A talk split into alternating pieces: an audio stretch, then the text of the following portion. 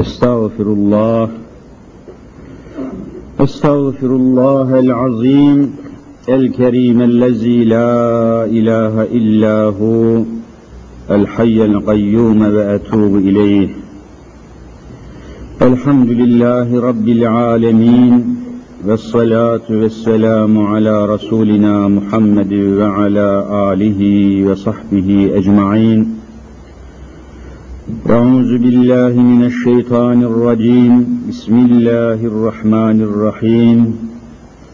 رب اشرح لي صدري ويسر لي أمري واحلل عقدة من لساني يفقه قولي.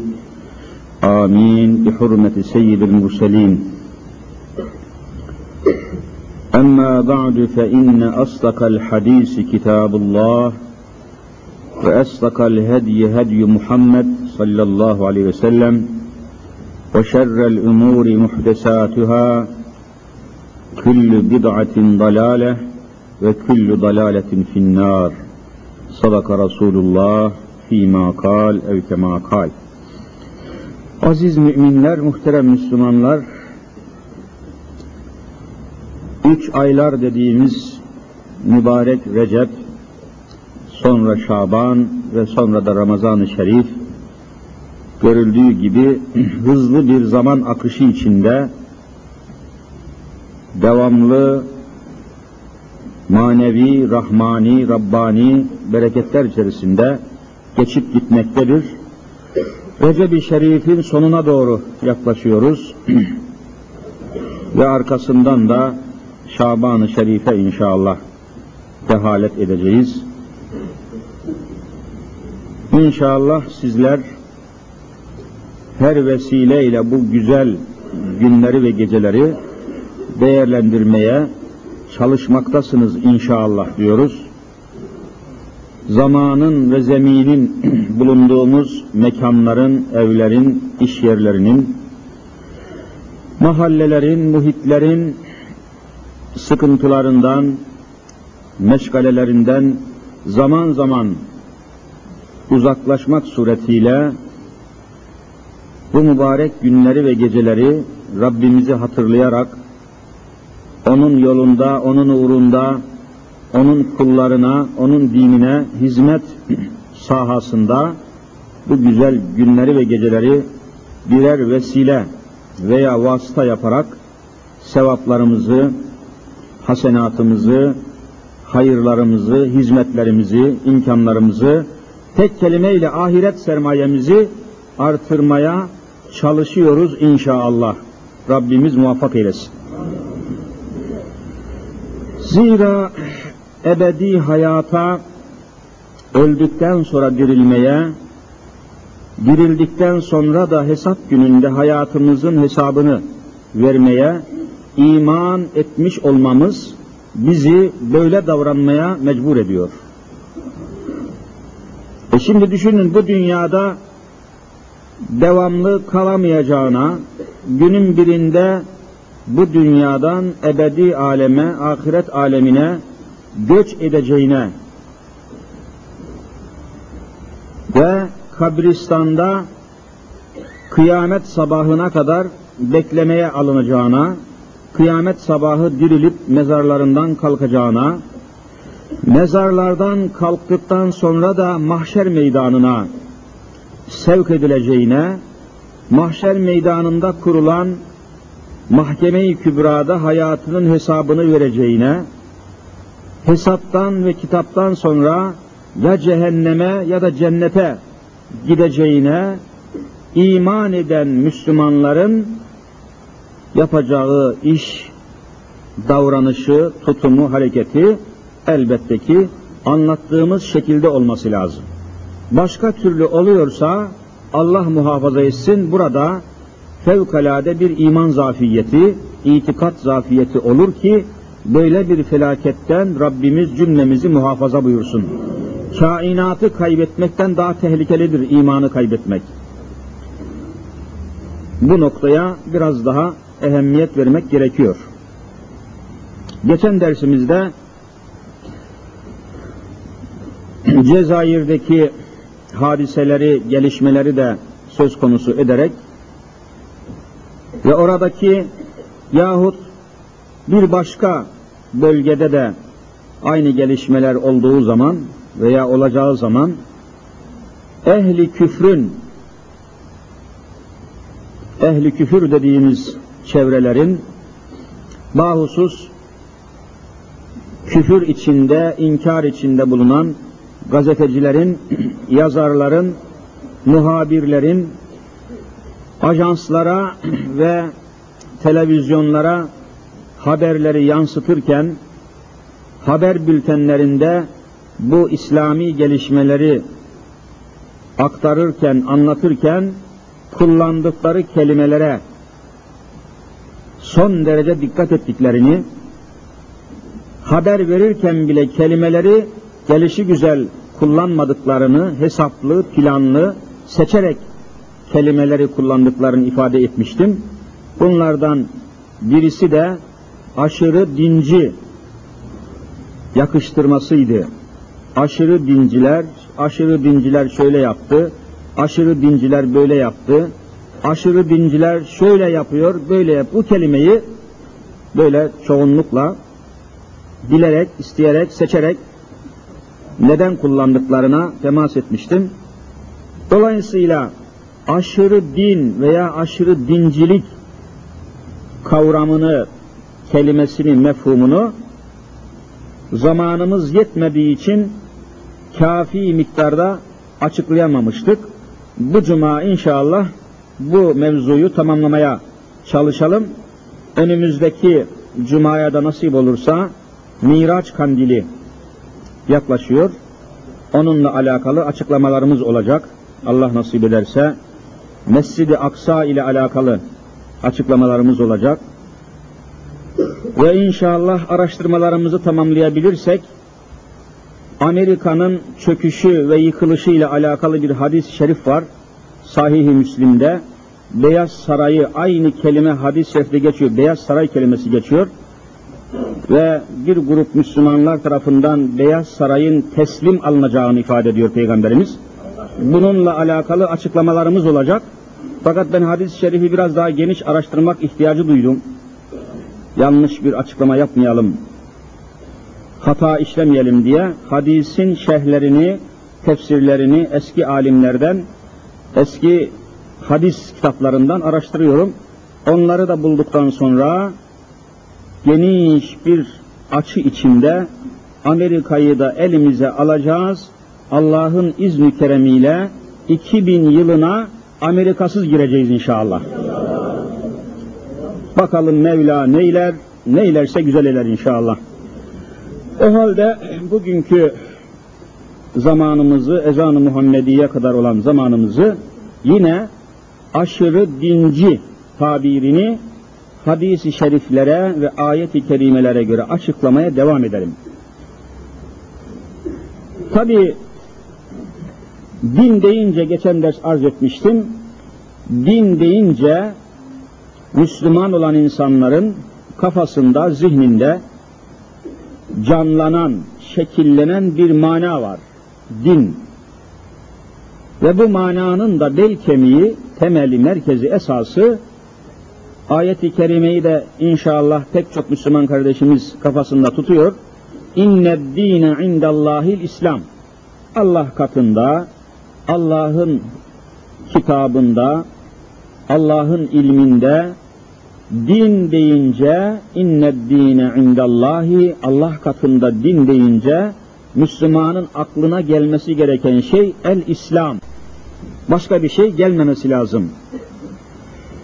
Hristiyanlık da din değil mi hocam?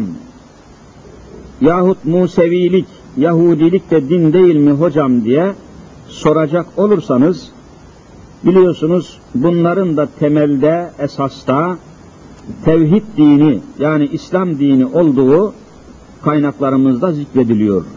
Allah katında madem ki din İslam'dır, Hazreti Adem aleyhisselamdan Hazreti Muhammed Mustafa sallallahu teala aleyhi ve selleme kadar gelmiş bulunan bazı kaynaklarda 124 bin peygamber tabiri var. 124 bin peygamber gelmiş arzın üzerine, yeryüzüne. Bu 124 bin peygamberin de getirdikleri dinin adı yine İslam'dır. Hz. Musa aleyhisselamın getirdiği dinin de adı İslam, Hz. Musa aleyhisselamın da getirdiği dinin adı İslam, değil mi ki Allah katında din deyince İslam'dır? Tabii ki hepsinde aynen İslam olacak. İslam'dan başka bir din getiren peygamberi olmamış zaten. Ve sonra bilhassa son olarak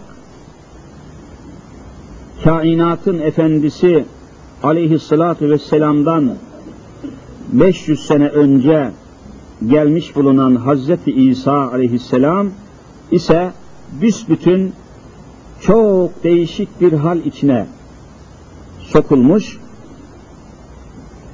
Öbür peygamberler hakkında söylenmeyen şeyler hikmet-i ilahiyenin icabı olarak Hz. İsa hakkında söylenmiş ve maalesef Allah'ın peygamberi, Allah'ın Resulü sıfatından çıkartılmış, Allah'ın bir parçası, haşa, Allah'ın oğlu şeklinde bir anlayışa zorlanarak sapıkların sapıkları, batılların batılı bir istikamete sürüklenmiş, tevhidden, İslam'dan, temelden görülmemiş bir uzaklıkla uzaklaşmışlar. Öyle aşırı gitmişler, öyle şaşkınlığa sürüklenmişler ki ben Allah'ın kuluyum ve Resulüyüm, elçisiyim, peygamberiyim diyen Hazreti İsa'yı bizzat hayır demişler. Sen Allah'ın kulu değilsin, Allah'ın Resulü değilsin, sen Allah'ın oğlusun demişler. Allah'ın oğlu ısrarla, kastı mahsus ile ve görülmemiş bir sapıklığa düşmüşler ve orta yerde din namına bir şey kalmamış. Rabbil Alemin'in de ne kadar demek gadabını, azabını, kahrını, gazabını çekmişler ki Kur'an-ı Kerim'in can damarı olarak ifade edilen Sure-i İhlas. Sure-i İhlas, İhlas suresi. Kul huvallahu ahad suresi de böylece bu maksat için nazil olmuş. Gerçi ayetleri az. Fakat mana itibariyle Efendimizin de buyurduğu gibi üç defa İhlas suresini okuyan bir Müslüman Kur'an'ın tamamını okumuş gibi sevaba nail olur buyuruyor. Üç defa Kul huvallahu ahad Allahu samed lem yelid ve lem yuled ve lem yekullehu küfüven ahad şeklinde üç defa okuyan bir müminin Kur'an'ın tamamının hatmine, hatim sevabına eş bir nimete kavuşur buyurulmuş. Bu surenin tamamı işte bu sapıklığın, bu aşırılığın, bu taşkınlığın üzerine nazil olmuş. Çünkü Hristiyanlar Allahu Teala'yı tevhid dediğimiz yani birlik itikadının dışına taşırmışlar. Allah demişler üç tanedir.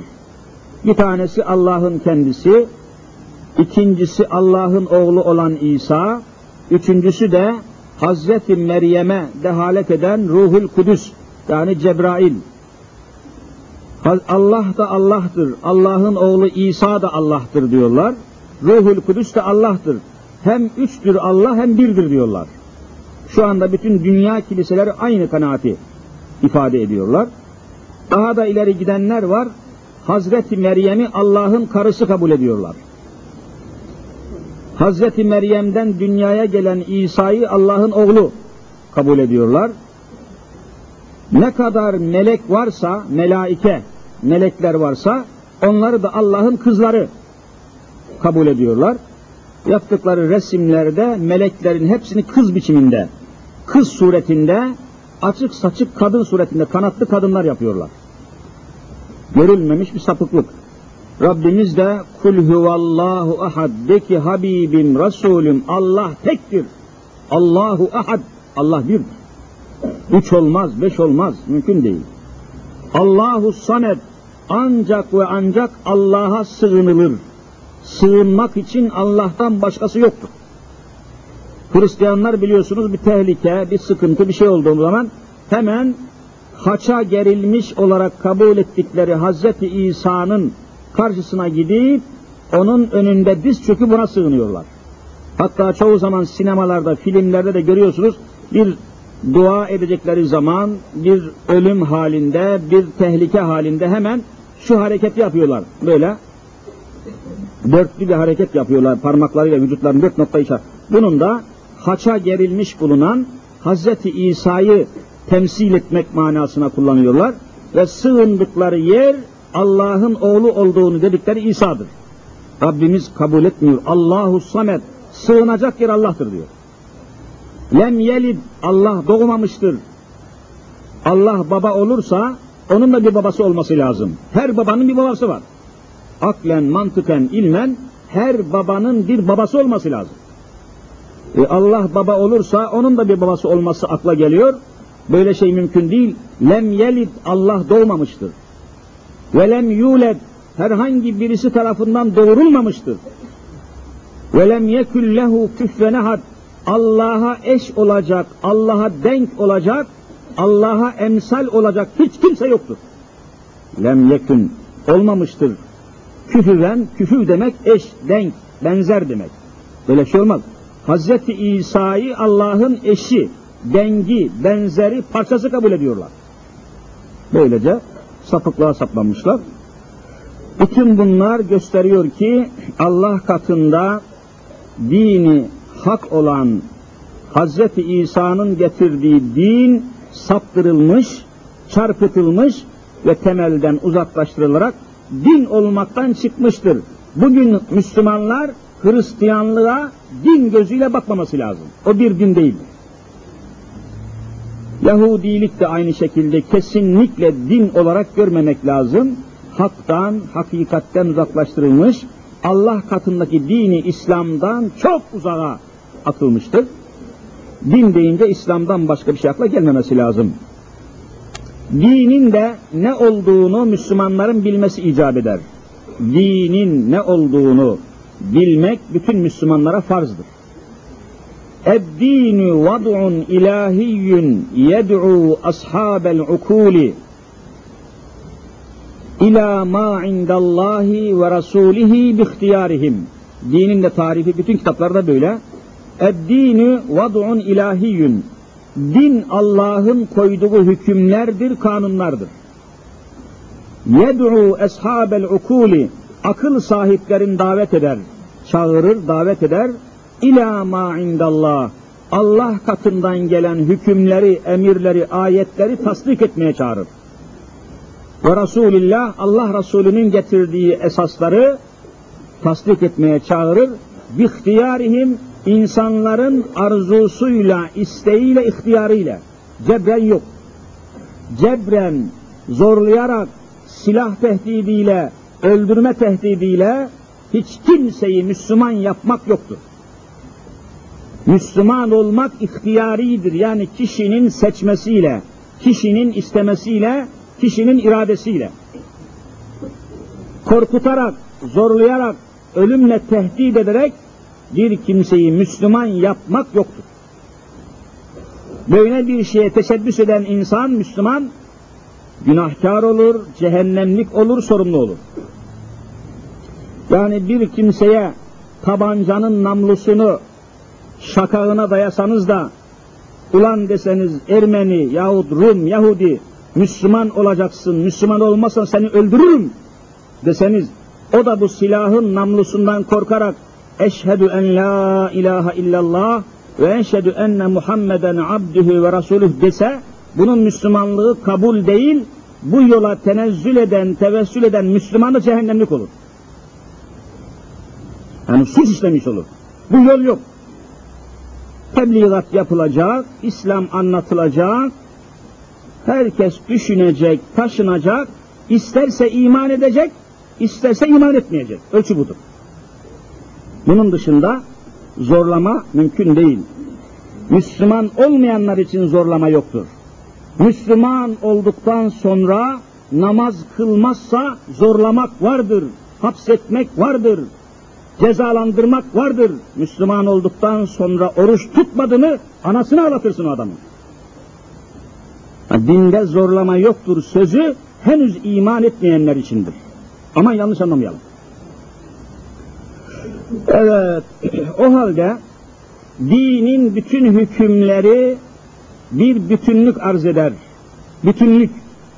Şu Kur'an-ı Kerim'in içinde mevcud olan bütün ayetleri bir mümin tasdik etmesi lazım. Namaz kılmakla ilgili ayet-i kerimeyi tasdik ederim ama faizin haram olduğunu beyan eden ayeti kabul etmem dese bu kişi iman etmiş sayılmaz kafir olur. Ölçü bunlar yani.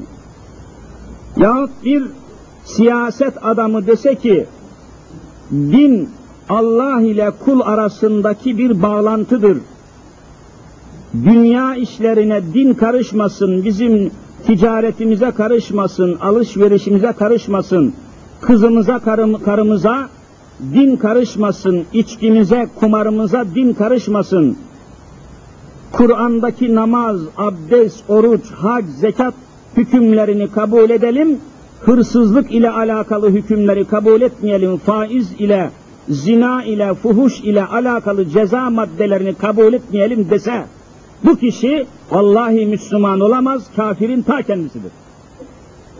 Ölçüler bunlar. Yani bunlar Müslümanlar bilecek. Din işleri ayrı olsun, Allah'ın kitabındaki hükümleri devlet işlerine, çarşı işlerine, pazar işlerine, çek işlerine, senet işlerine, alışveriş işlerine Allah'ın hükümlerini karıştırmayalım derse, diyecek olursa bu kişi akşamlara kadar kelime-i şehadeti söylese vallahi kafirdir. Sabaha kadar tesbih çekse kafirdir. Din işleri ayrı olsun, devlet işleri ayrı olsun. Din devlete karışmasın diye diye diye seccadede ölse bu adam kafir olarak ölmüştür. Kabe'nin göbeğinde ölse kafir olarak ölmüştür. Çünkü din bir bütündür. Kur'an'daki bütün hükümler geçerlidir. Namaz kılmakla alakalı ayet nasıl geçerliyse, faizin haram olduğunu bildiren ayet de geçerlidir. Birini geçerli kabul edip birini geçersiz kabul etmek o kişiyi ne yapar? Ebedi kafir yapar. İşte Cezayir'deki laik insanlar, liberal insanlar, kapitalist insanlar, Cezayir'deki diktatörler, subaylar, generaller, gazeteciler, profesörler din deyince, din deyince abdest, namaz, oruç, hac, zekat kabul etmişler. Onun dışında içkiyle, kumarla, zinayla, faizle, fuhuşla ilgili ayet-i kerimeleri kabul etmemişler. Şimdi bütün Cezayir halkına da böyle kabul etmeyi telkin ediyorlar. Müslüman olun ama dinin hükümlerini dünyaya karıştırmayın diyorlar. Namazınızı kılın ama bizim içkimize, kumarımıza karışmayın diyorlar. E bu sözün içinde İslam yok ki din parçalanıyor. Allah'ın bir kısım ayetleri kabul ediliyor, bir kısım ayetleri kabul edilmemiş oluyor. Burada din namına bir şey var mı? E, bu tutuma, bu davranışa, bu düşünceye Kur'an-ı Kerim ne diyor? Aynen şöyle söylüyor Rabbimiz. Efe tu'minune bi ba'dil kitabi ve tekfurune bi ba'd. Ey insanlar siz kitabı ilahi bi ba'dil kitap. Kitabın yani Kur'an-ı Kerim'in içindeki ayetlerin ve hükümlerin bir kısmına inanıyorsunuz, bir kısmını inkar ediyorsanız, yani Kur'an'daki ayetlerin bir kısmını alıyor, bir kısmını kabul etmiyorsanız, Rabbimiz diyor ki benim nazarımda Kur'an'ın tamamını inkar etmişsiniz ve kafirsiniz. Hüküm budur. Onlar din deyince böyle anlıyorlar. Aman efendim dinin hükümlerini karıştırmayalım Denizlere İslam'ın hükmü karışmasın. Plajlara, plaj deniz kıyılarındaki hani malum deniz sahillerindeki plajlara anadan doğma kadınlarla erkekler beraber girsin, yıkansın, ne yaparsa yapsın Allah bu işlere karışmasın diyorlar. Halbuki ayet-i kerime var. وَلَا يُبْد۪ينَ زِينَتَهُنَّ Müslüman hanımlar başını, saçını, bacağını, bağrını, başını kendilerine yasaklanmış bulunan namahrem denen erkeklere katiyen göstermeyi Rabbimiz yasaklamıştır. Bir Müslüman kadın başındaki saçları babasına, kocasına, kardeşine, dayısına ve amcasına gösterebilir. Babası değilse amcası, dayısı, kardeşi, torunu, oğlu değilse onun dışında hiç kimseye gösteremez. Gösterirse cehennemlik olur. Ayetten sabit. Kur'an'da böyle bir hüküm var. Namaz kılmakla ilgili hüküm olduğu gibi kadınların saçlarını, başını yabancı erkeklere göstermesinin haram olduğuna dair hüküm var. Birini kabul edip öbürünü etmemek kafir olmaktır. Cezayir'deki bütün generaller kafirdir. Böyle kabul edilir çünkü. Dinin diyorlar kadınlarla ilgili hükmü kabul etmiyoruz. Kur'an'daki dünya ile, faiz ile, alım satım ile, devlet idaresi ile alakalı ayetleri kabul etmiyoruz diyorlar Cezayir'deki generaller. Ama namaz kılmakla ilgili ayeti kabul ediyoruz diyorlar. İşte bu yok, bu İslam'da yok. Dinin bir kısmını alıp bir kısmını almamak vallahi yok. Laiklik yok İslam'da. Mümkün değil. Allah'ın bütün hükümlerini almakla mükellefsiniz. Yani bir Müslüman amentü billahi ve melaiketihi ve kütübihi diyorsa demişse Allah'ın kitabındaki 6666 ayetin altına imza atmıştır.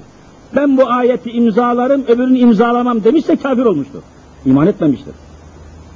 İşte bunu anlatamıyoruz. Bunu anlatamıyoruz. Hala bunun kavgası devam ediyor, cehalet devam ediyor.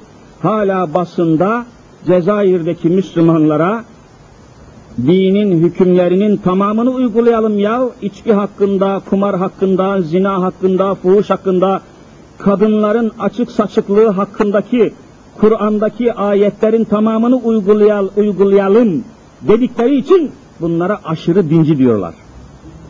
Bunlar dinin dışına çıkmamış. Dinin hükümlerine ilave yapmamışlar ki aşırı diyesiniz. Dinin tamamını kastediyorlar. Türkiye'de İslam dininin tamamı uygulanıyor mu?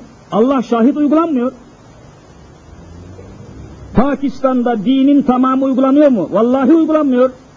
Mekke-i Mükerreme'de dinin tamamı uygulanıyor mu? Vallahi uygulanmıyor. Mekke'de de uygulanmıyor. Çünkü Suudi krallığı, Suudi hükümeti de aynen din işleri ayrı, dünya işleri ayrı diyor. Aynı diyor yani. Mekke'yi idare edenler de aynı kanaatte.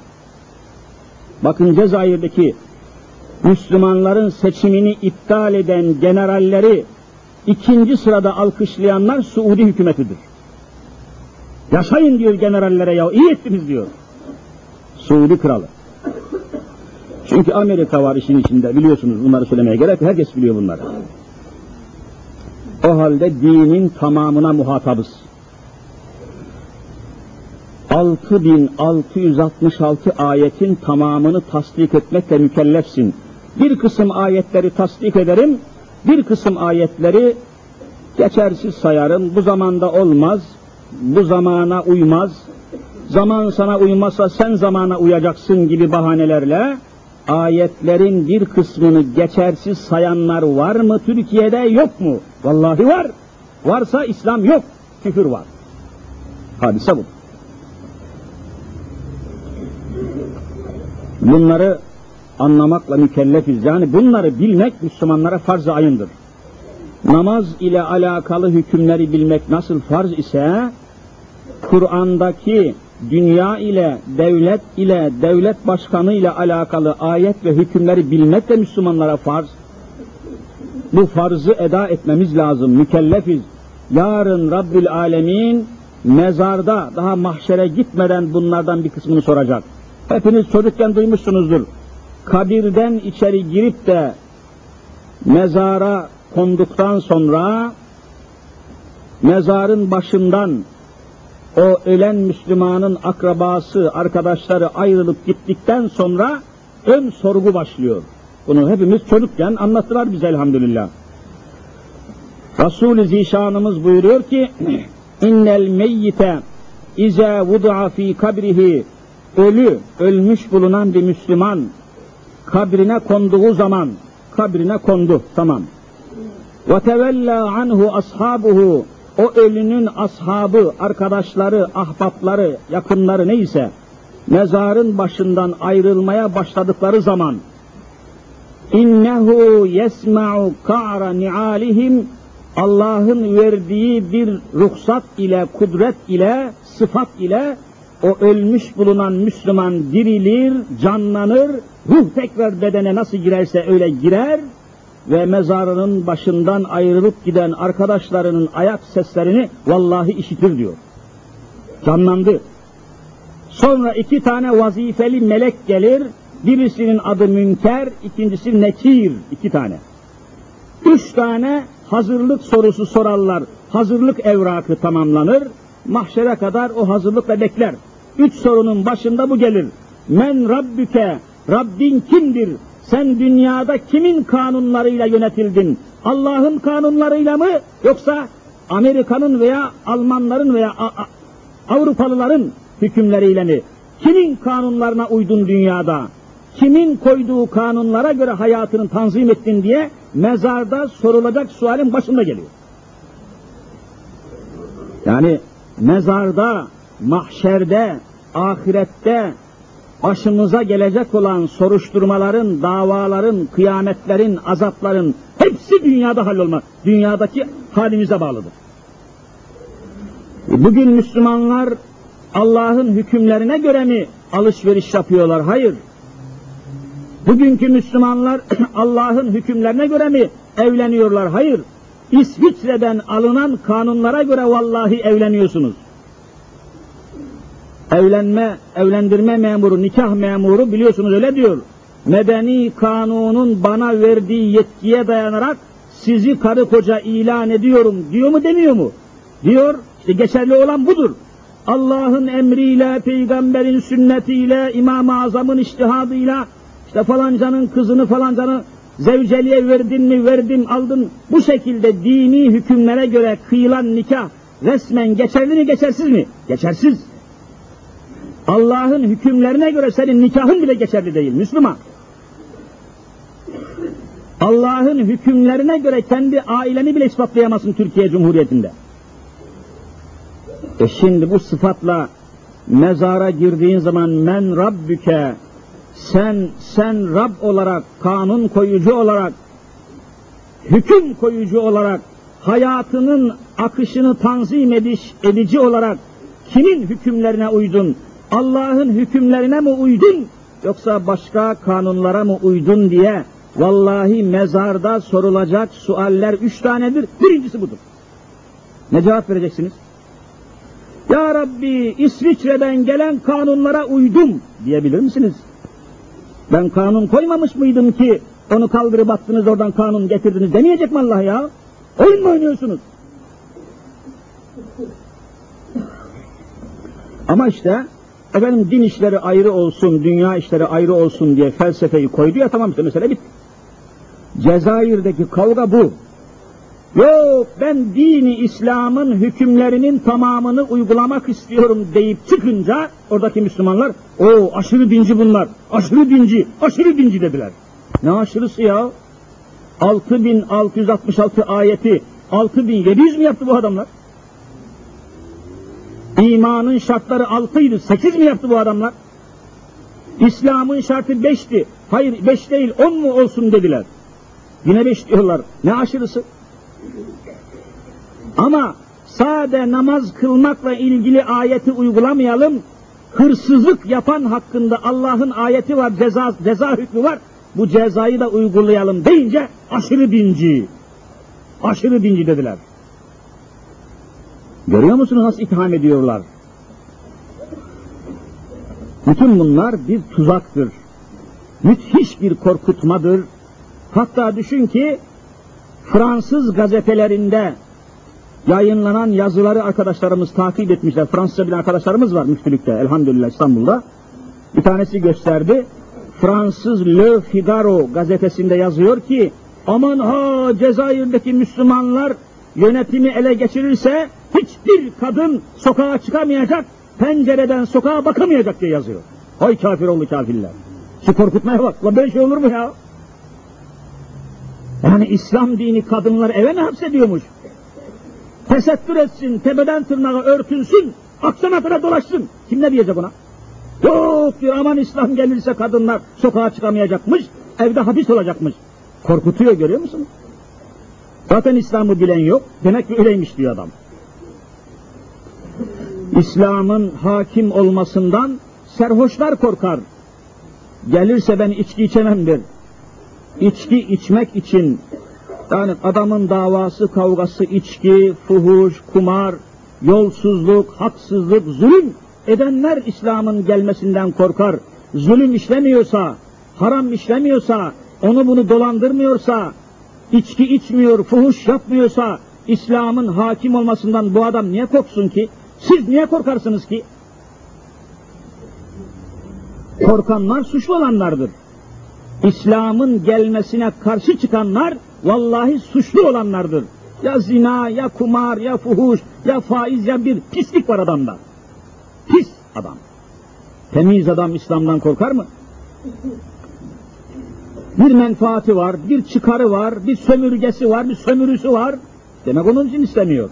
Nitekim Cezayir'de Müslümanların hak ettikleri seçimi iptal eden subayların tamamı 180 kişi araştırıcı arkadaşlar tespit etmişler. 180'inin de Fransız bankalarında yedi sülalesine yetecek kadar hepsinin hesabı var, menfaati var. Hepsinin Fransa'da villaları var, yalıları var, şirketlerde ortaklıkları var ve hesapları var. Adamlar hepsini bağlamışlar birer yemlik gibi. Nasıl ki hayvanları götürüp de yemliklere bağlarsınız köylerde eskiden. Bütün Cezayir generallerin de Fransa hepsini bir yemlige bağlamış. Onlardan başkasına kişnemiyor herifler. Böyle bir ortamda. Elbette istemeyecek. Yani ister mi adam menfaatlerinin bütün kanalları tıkanacak, kokteyller hazırlayamayacak, istediği kadınla yatıp kalkamayacak, kadınlar örtünecek. Elbette istemeyecek. Evet safları yine sıklaşmayı her cuma olduğu gibi ihmal ediyoruz galiba. İyice sıklaştıralım. Evet demek ki dini İslam'ın bütün hükümlerini hayatımıza hakim kılmakla mükellefiz. Kur'an'daki ayetlerin tamamına muhatabız. Efendim Ramazan-ı Şerif ile alakalı ayetleri alalım ama içkinin yasak olması ile alakalı ayetleri almayalım. Onu devlete bırakalım, Allah'a bırakmayalım derse bu sözün söylendiği andan itibaren din namına bir şey kalmaz, orada Müslüman namına kimse olmaz. Çünkü ayetlerin hepsi Allah'ın ayetleridir. Ali'nin, velinin değil ki Ali'ninkini alayım, velininkini almayalım. Hepsi Allah'ın. Kur'an'daki ayetlerin hepsi Allah'ın olunca bir kısmını alıp bir kısmını almamak var mı? Mekke-i Mükerreme'de Ebu Cehil böyle bir şart koşuyordu. Diyordu ki ey Muhammed Allahümme salli ala Muhammed tamam diyordu ya gel anlaşalım. Gel anlaşalım. Bir kısım sen Müslümanlar, Müslüman olanlar namazlarını kılsınlar, oruçlarını tutsunlar, abdest alsınlar, hacca gelip Kabe'yi tavaf etsinler. Fakat bizim putlarımıza bir şey söylemeyin, gelin bir, bir beraber bir ortaklık yapalım diyorlardı. Yani koalisyon diyorlar şimdi hani, koalisyon. Ortaklık yönetimi, ortak yönetim. Efendim, biz sizin Allah'ınıza karışmayalım, siz de bizim putlarımıza karışmayın. Biz sizin abdest suyunuza karışmayalım, siz de bizim içkimize karışmayın diyorlardı. Aynen bugünkü insanlar gibi yani. Biz sizin abdest alırken kullandığınız sulara, ya boşuna dökmeyin bu suları filan demeyelim, karışmayalım. Siz de bizim içtiğimiz içkilere, üzüm suyuna, hurma suyuna karışmayın. Bu teklifin karşısında Hazreti Allah ne kadar gazaba gelmiş ki biliyorsunuz. Ne korkunç gazaplanmış ki Kul ya eyyühel kafirun. Ey kafir oğlu kafirler. La a'budu ma ta'budun. Sizin tapındığınız putlara ebediyen tapmayacağım ve onların hükmünü kabul etmeyeceğim de bir ayet gelmiştir. Yani Kur'an'ın bazı hükümlerine ses çıkarmayalım, bazılarını kabul etmeye, yani kargı, karmaşa, ortaklaşa, bir tarafı Kur'an olsun, bir tarafı başka kanunlar olsun şeklinde teklif edenlere karşı Kul ya eyyühel kafirun suresi nazil olmuş. Koca bir sure gelmiştir. Ne dehşet görüyor musunuz? Böyle şey olması mümkün değil. Dinin bütün hükümlerinden muhatabız. Mahşerde Allah bize bunu soracaktır. Bir de Peygamber Efendimiz Hazreti Muhammed Mustafa Aleyhisselatü Vesselam'ın sünnetinden sorumluyuz. Kabirde ikinci soru biliyorsunuz. Birincisi men Rabbüke. Rabbiniz kimdir? Kimin hükümlerine tabi oldunuz demektir o. Yoksa Rabbim Allah'tır geçer gidersiniz. Basit bir şey değil bu. Bir hayatın hikayesidir bu. İkinci sual biliyorsunuz men Rabbük ve men nebiyyüke. İkinci sual. Senin kendine örnek edindiğin kılavuz olarak, rehber olarak, önder olarak seçtiğin peygamber kimdir?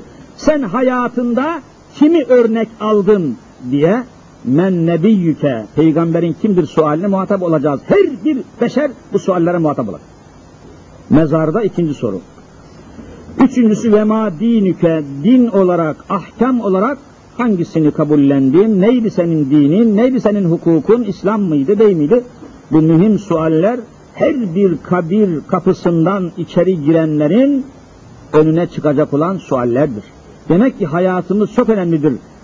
Ölümümüz, kabirdeki hayatımız, mahşer hayatımız, hesap günümüz, ahiretimiz tamamen dünyamıza bağlıdır. Dünyanızı İslam'a uydurabilirseniz ahiretiniz vardır. Dünyanızı Kur'an'a uyduramamışsanız hiçbir şey beklemeyin ahiretten. Azaptan başka. Allah korusun. Aziz müminler, muhterem Müslümanlar, o halde konuyu biraz daha açmış olduk. Rabbimiz cümlemizi bu hususlarda uyanık olmak suretiyle kafirlerin hilelerini daha vaktinden evvel keşfeden uyanık Müslümanlardan eylesin inşallah. Bir de bunun yanında Peygamberimiz Efendimizin şahsında, hayatında, tatbikatında olmayan, yapmadığı şeyleri yapmayı da İslam yasaklıyor.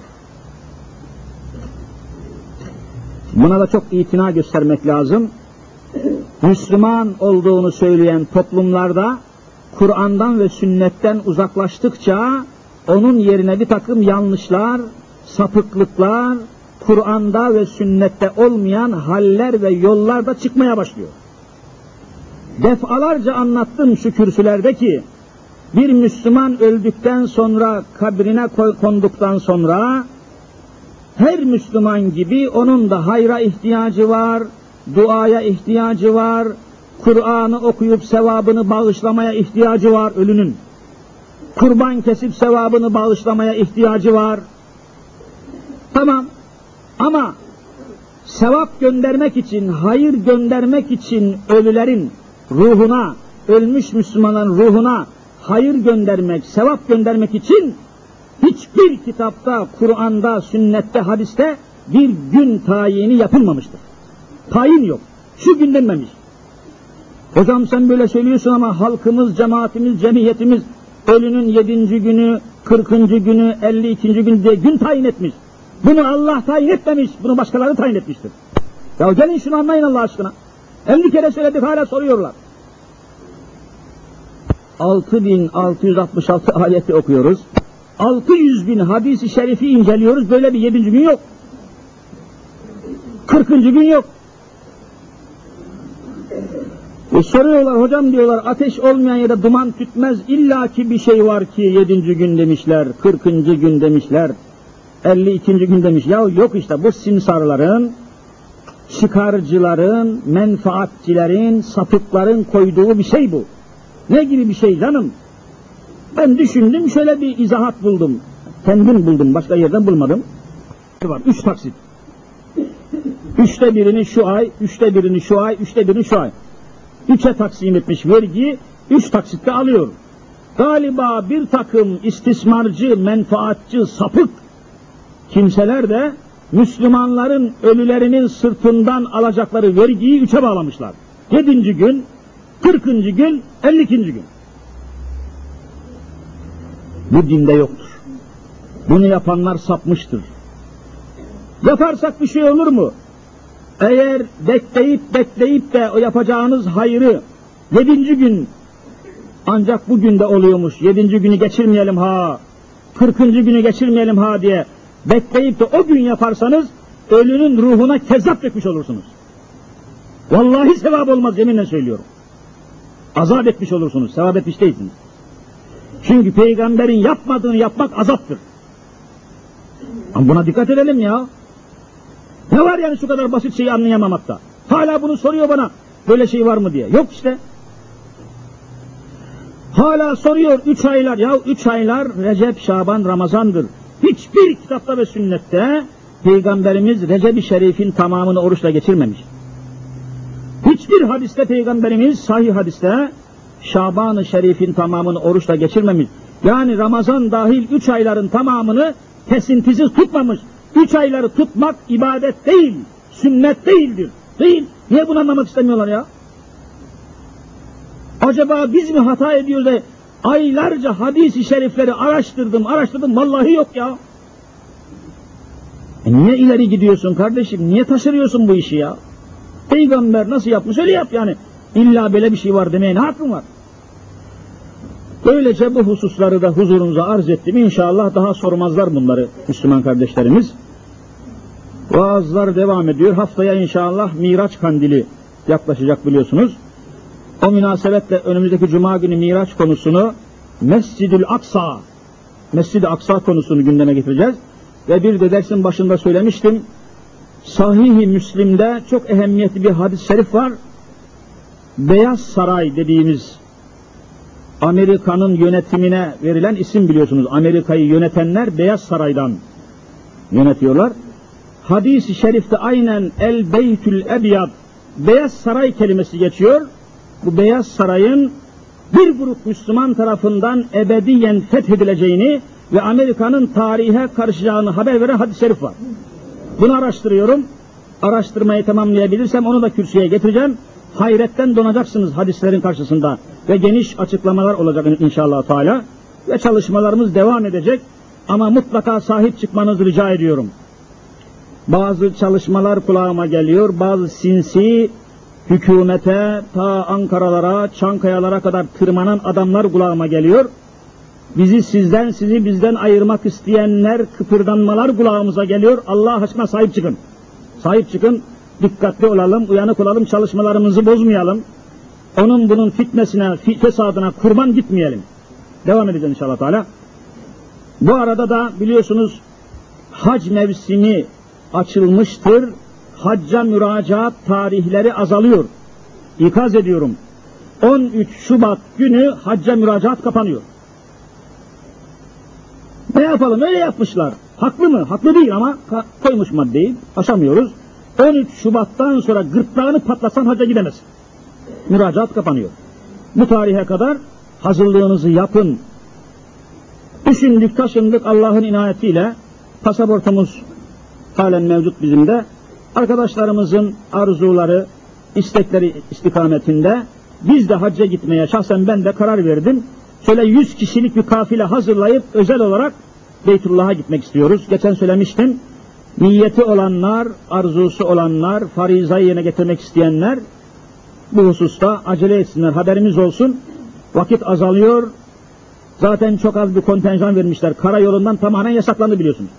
Karayoluna hacca gitmek yasak Türkiye'de. Mümkün değil. Sade hava yoluyla gidiliyor. Az bir kontenjan var. hele bekleyelim de sonuna doğru falan gibi bir bekleyişe girmeyiniz. Kapandığı zaman kapanmış olur. Farizayı ve bu hareketi engellemiş olursunuz. İnşallah Teala niyeti olanlar acele çabuk karar versinler ve haberleri olsun ki geç kalmış olmasınlar. Rabbi Rahim Zülcelal bu seneki hacı inşallah görülmemiş bir coşkunlukla nasip edecek. Çünkü 70 senedir Rusya'daki Müslümanlar işte görüyorsunuz hepsini duydunuz. 70 senedir Rusya'dan, Asya'dan bir tek hacı Beytullah'a gelemiyordu. Bu sene patlama olacak. Kazakistan'dan, Tacikistan'dan, Azerbaycan'dan, Türkistan'dan müthiş adamlar, heyecanlı Müslümanlar gelecek. Yugoslavya'da biliyorsunuz patlama oldu Müslümanlar, orada da bağımsızlığa kavuşmak üzereler.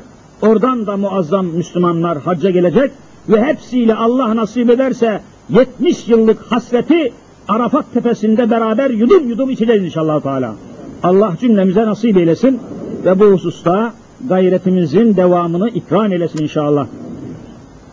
Önümüzdeki cuma günü bahsettiğim konularda buluşmak üzere Rabbimiz, Mevlamız, Rabbi Rahim Zülcelal cümlemizi ve cümle ümmeti Muhammed'i davayı dini hakkın hakimiyetini görmeye namzet eylesin inşallah. Amin. Bir de kardeşlerim yine üç ayların devamını söylemiştim. Bereketli, feyizli, rahmetli, mağfiretli günlerdeyiz. E, bu günlerde başka günlerde olduğundan daha fazla hayra teşvik etmek vazifemiz tabii. Siz de bunun şuurundasınız inşallah Teala. Bu günlerde, bu gecelerde, bu üç aylar dediğimiz zamanlar içerisinde yapılan hayrın ve hasenatın karşılığını Rabbimiz daha fazla lütfuyla karşılıyor. Daha fazla ikram ediyor. Bu ikramdan da mümkün mertebe faydalanmak için cuma günleri daha ziyade sizleri hayra teşvik olsun diye birkaç kelime söylüyoruz. Evvela işte şu inşaat haline devam eden camimiz var gördüğünüz içindeyiz. Bunun yanında bir de ayrıca dışarıdan yardım için gelenler var. Mesela şimdi hakikaten yakinen tanıdığımız değerli, muazzam gayret içinde, çırpınış içinde bulunan Trabzon'un Sürmen'e, Oylum köyüne bir cami ve Kur'an kursu yapmaya başlamışlar fakat aciz kalmışlar. Eksikleri, noksanları muazzam bir sıkıntı içine düşmüşler. Oranın dernek mensubu kardeşlerimiz gelmiş. Hem bu camimizin yönetimiyle görüşmüşler, hem müftülükte göre, hem benden görüştüler. Dışarı çıkarken hem bu camimize hem bu kardeşlerimize yardımınızı bol miktarda yapın. Sahibimiz Allah'tır, mükafatımız Allah'tandır. Rabbim şimdiden kabul etsin, rahmetine, rızasına ve cennetine layık eylesin ve cümlemizi affettiği kullar sınıfına